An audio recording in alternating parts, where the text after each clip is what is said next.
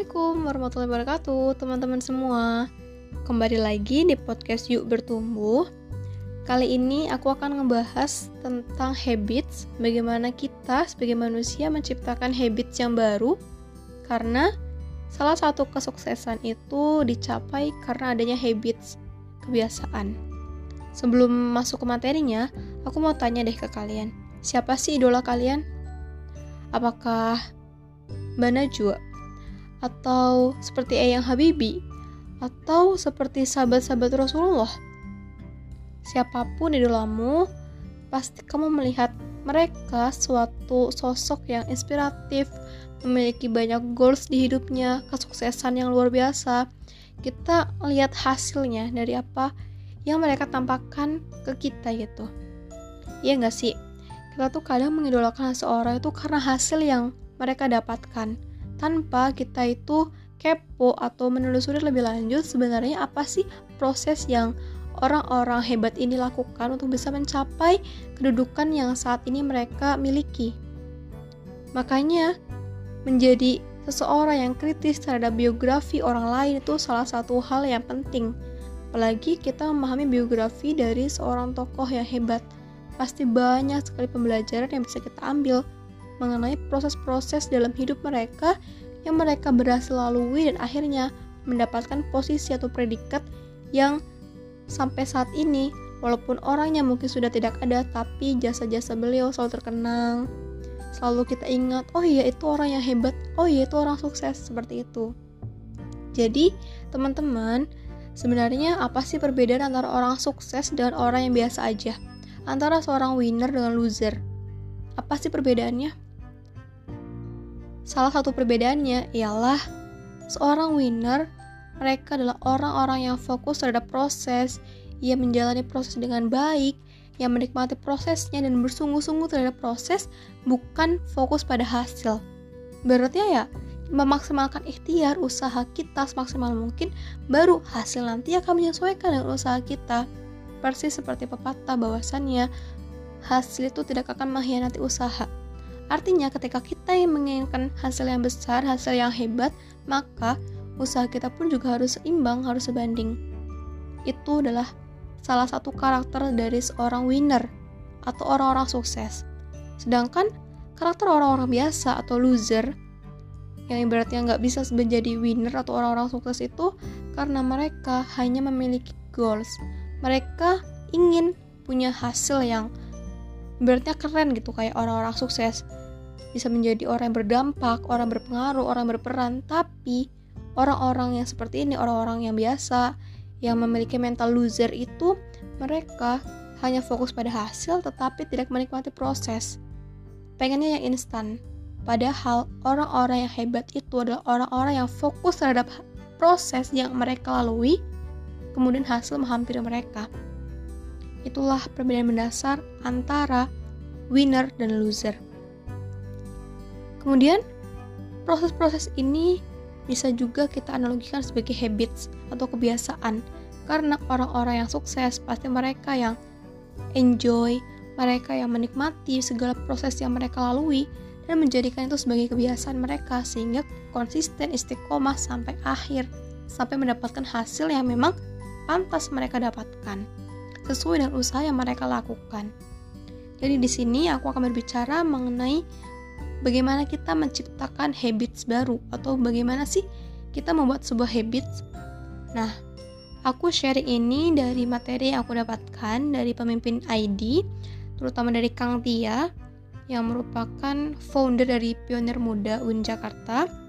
Sebenarnya bukan Pionir Muda UIN Jakarta aja sih, tapi komunitas Pionir Muda yang awalnya ada di IPB dan alhamdulillah aku termasuk bagian dari komunitas ini. Oke, langsung ya. Dari materi yang disampaikan oleh pemimpin ID, mereka mengambil atau menyadur materi dari James Clear tentang bukunya yang berjudul itu Anatomy Habits. Ternyata ada empat hal yang bisa kita lakukan untuk membentuk habits baru. Dan menurut penelitian, habits akan terbentuk ketika kita melakukan dengan konsisten habits yang ingin kita bangun selama 21 hari secara rutin, tepat waktu, dan kita berhasil menyelesaikan challenge-challenge atau kebiasaan-kebiasaan baru yang ingin kita lakukan, langkah-langkah kecil setiap harinya selama 21 hari. Yang pertama, cara kita untuk membentuk habits atau membangun habits yang baru yaitu tentukan sin sinyal yang jelas. Apa itu sinyal?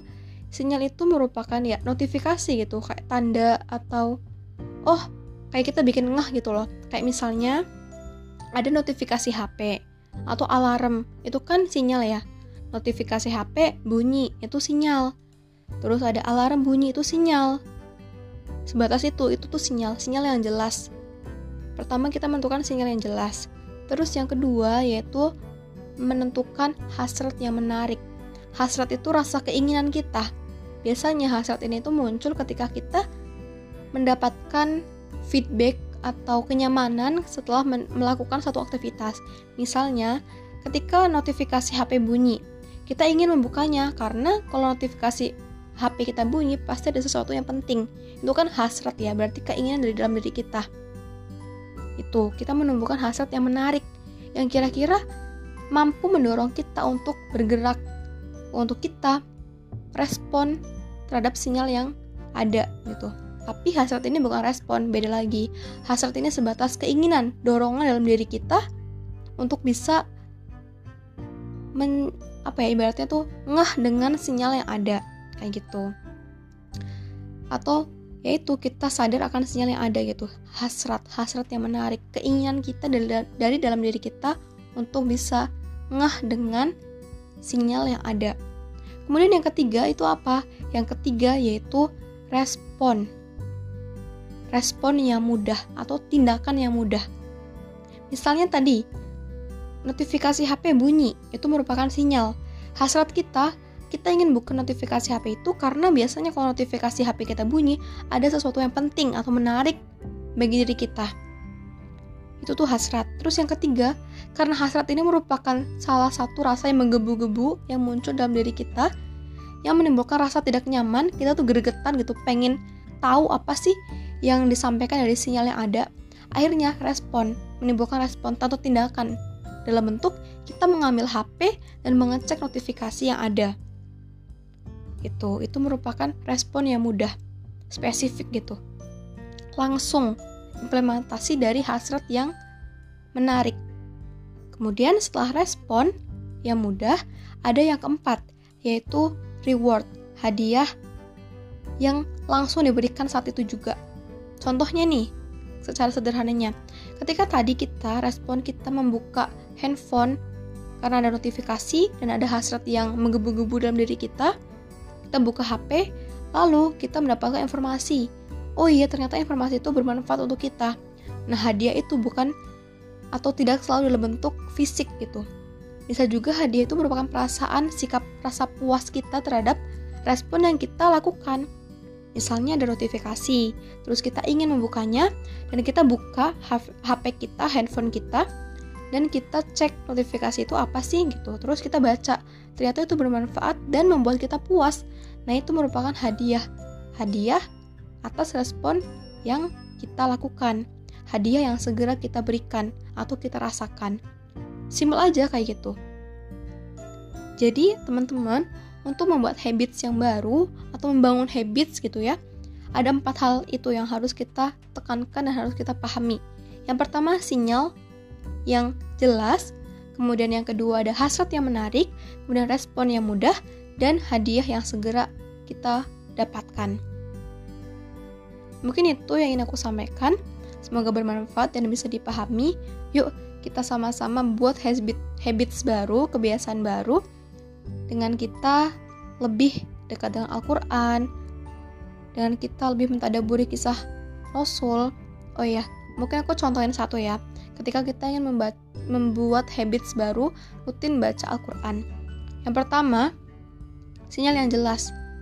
Kita tempatkan Al-Quran di posisi atau di tempat-tempat yang sekiranya mudah terlihat oleh kita. Misalnya ketika dekat pintu, pintu kamar, itu kan kita setiap bangun tidur kita buka pintu, lihat Al-Quran, itu kan merupakan sinyal ya. Terus kita buat nih hasrat, keinginan apa sih yang ingin kita bangun dalam diri kita? Oh iya, aku ingin baca Al-Quran, aku ingin menambah ilmu, membaca artinya, sekaligus mendapatkan pahala agar Allah ridho terhadap apa yang aku jalankan seharian ini misalnya kayak gitu itu hasrat berarti kan ada perasaan yang ingin kita selesaikan atau ingin kita apa ya tanggapi gitu dan yang ketiga respon respon yang mudah. Ya udah kita ambil Al-Quran itu kita baca dan kita tadaburi artinya. Terus kita resapi dan berusaha, berusaha mencari hikmah di dalamnya. Itu merupakan respon yang mudah. Langsung gitu langsung. Dan kalau bisa tetapkan satu tempat yang khusus untuk kalian baca Al-Quran sehingga ketika kalian melihat tempat itu kalian akan ingat oh ya di situ tempat aku biasa baca Al-Quran seperti itu. Terus yang keempat reward. Ini reward bebas sih. Mungkin teman-teman kalau misalnya mau rutin baca Al-Quran dan rewardnya itu oke okay, aku mau main HP selama 30 menit atau satu jam setelah aku baca Al-Quran 5 halaman. Misalnya kayak gitu. Jadi langsung itu berurutan. Ketika teman-teman selesai baca Al-Quran 5 halaman, maka reward atau hadiah yang teman-teman dapatkan yaitu bisa main HP selama 30 sampai 1 jam. Yang itu bisa memuaskan teman-teman kayak gitu. Itu merupakan contoh konkret ketika kita ingin membuat habits baru. Yuk tentukan habits apa yang ingin teman-teman buat atau ingin teman-teman bangun dan terapkan empat hal tadi yang dapat membantu kita menciptakan atau membentuk habits baru, sinyal, hasrat, respon, dan hadiah. Semoga bermanfaat ya teman-teman. Tetap semangat dan be happy to grow with Al-Quran. Mohon maaf mohon maaf atas segala kesalahan sampai berbelit-belit gitu ya ngomongnya. Yang benar datanya dari Allah, yang salah dari diri aku sendiri. Jika ada manfaatnya boleh di-share ke teman-teman yang lain. Terima kasih telah mendengarkan sampai akhir. Wassalamualaikum warahmatullahi wabarakatuh.